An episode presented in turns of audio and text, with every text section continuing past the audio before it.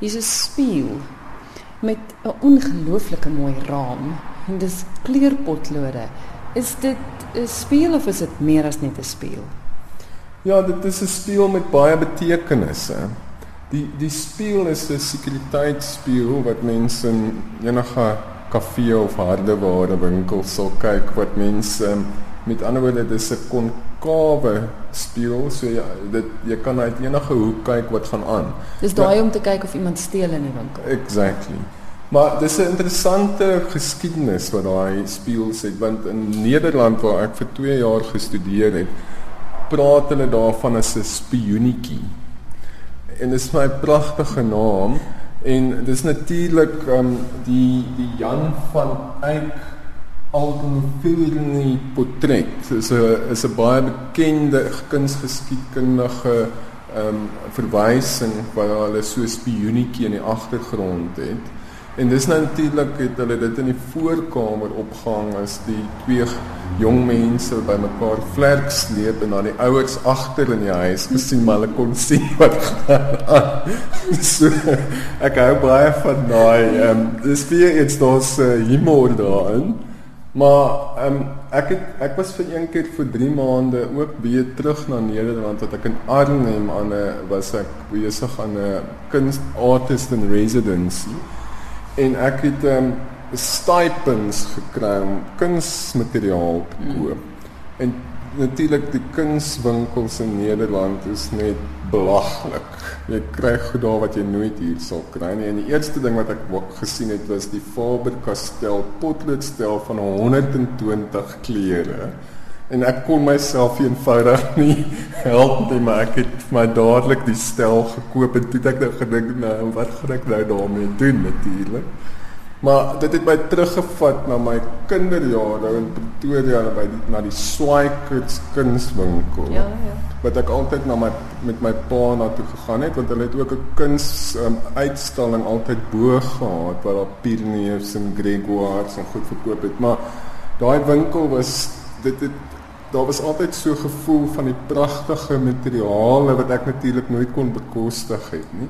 So ek het dit gekoop en toe ek begin dink wat hoe kan ek nou 'n mooi werk daaruit maak? En weer eens die raam is gesny uit lindehout. En dit het 'n interessante storie. Jy weet my werk het altyd 'n storie daar agter. Lindehout is die hout wat al die deur die eeue in Europa gebruik word om houtbeelde uit te kerf. Want dis 'n baie sagte hout, maar hy is baie duursaam. Mm. En dis ook die simbool van die liefde. So in elke Europese dorp het hulle altyd 'n lindehoutboom geplant in die stad se voor die stadsaal en die blare vorm glo dit lyk soos 'n hart. Maar dan staan natuurlik ook 'n meer siniese, sinister um um uh, deel daarvan want in Berlyn, die straat wat afloop na die Brandenburg ehm um, ehm um, ehm um, hek ja? was natuurlik onder der linde.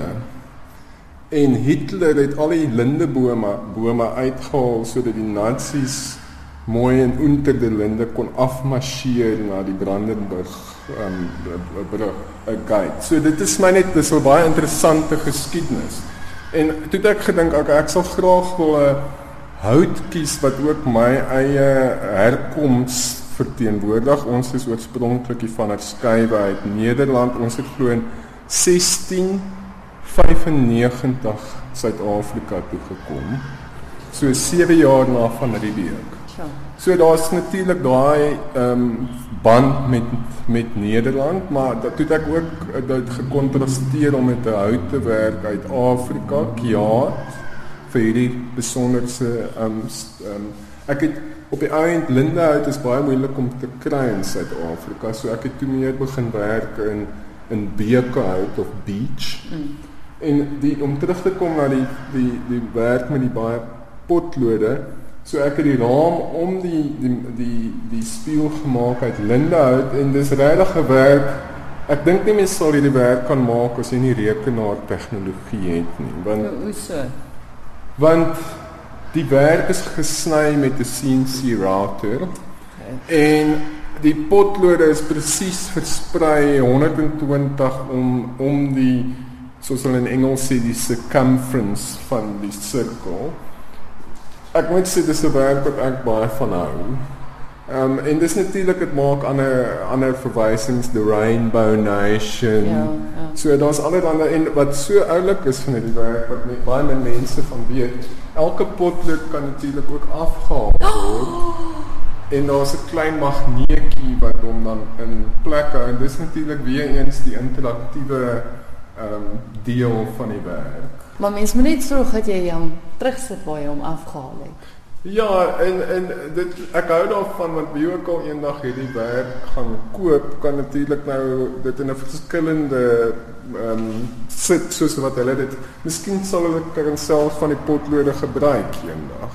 Ja, dis ongelooflik. Ja. Daar's nog 'n ander werk wat my opgeval het en dit is dis twee stoele.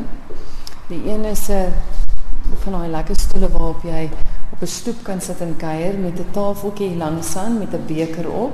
En dan reg oor kan dit geposisioneer is 'n eetstoeltjie waarop ons ons kinders almal groot gemaak het met 'n papbordjie op. Dit is 'n papbordjie. Ja.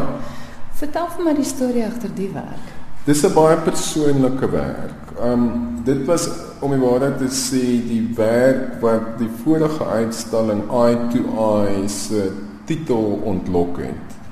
So dis eintlik ek wat na myself kyk.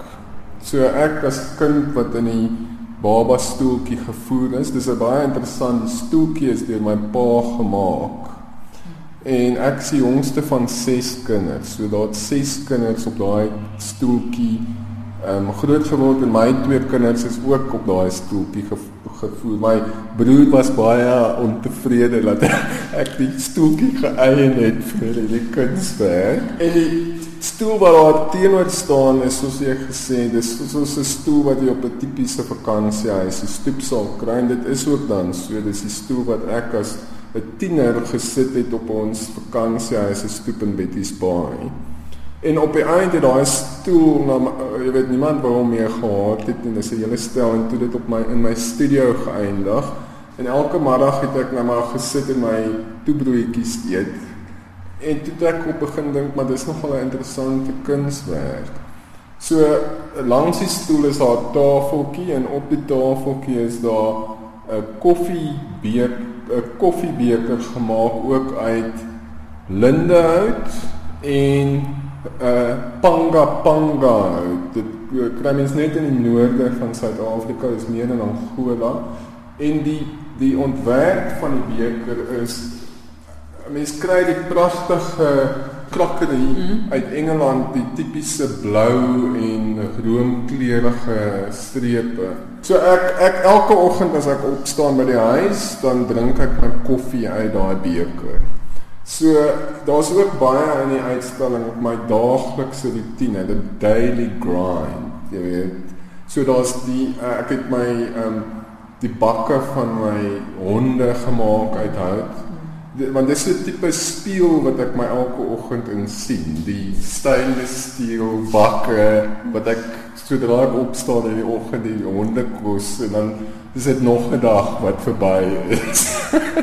en ek sien my weerkaatsing in die bakke en dan gaan dan drink ek my koffie en dan in middagete eet ek my broodjies uit die plastiek houer wat ek by Woolworths koop. So ek het dit ook in hout gemaak. En ja, so daar's 'n baie 'n ding van self in kyk wie ek is. Dis die eerste keer regtig dat ek sulke werk ook maak. Dit was vir my nogal moeilik om 'n bietjie die speel te myself op daar. Ehm um, en dan natuurlik word ons almal gekonfronteer met hierdie mal geskiedenis wat ons het en mal goed wat elke dag gebeur die die die geweld wat mens eintlik maar aan gewoond begin raak het. Ons lewe daarmee asof dit nou maar oukei okay is. So dis my wat ek probeer uitbeeld het in die uitstalling is die daaglikse bestaan wat ons maar almal doen die rutines van die lewe om in die lewe te bly en dan al die ander dinge wat om ons gebeur.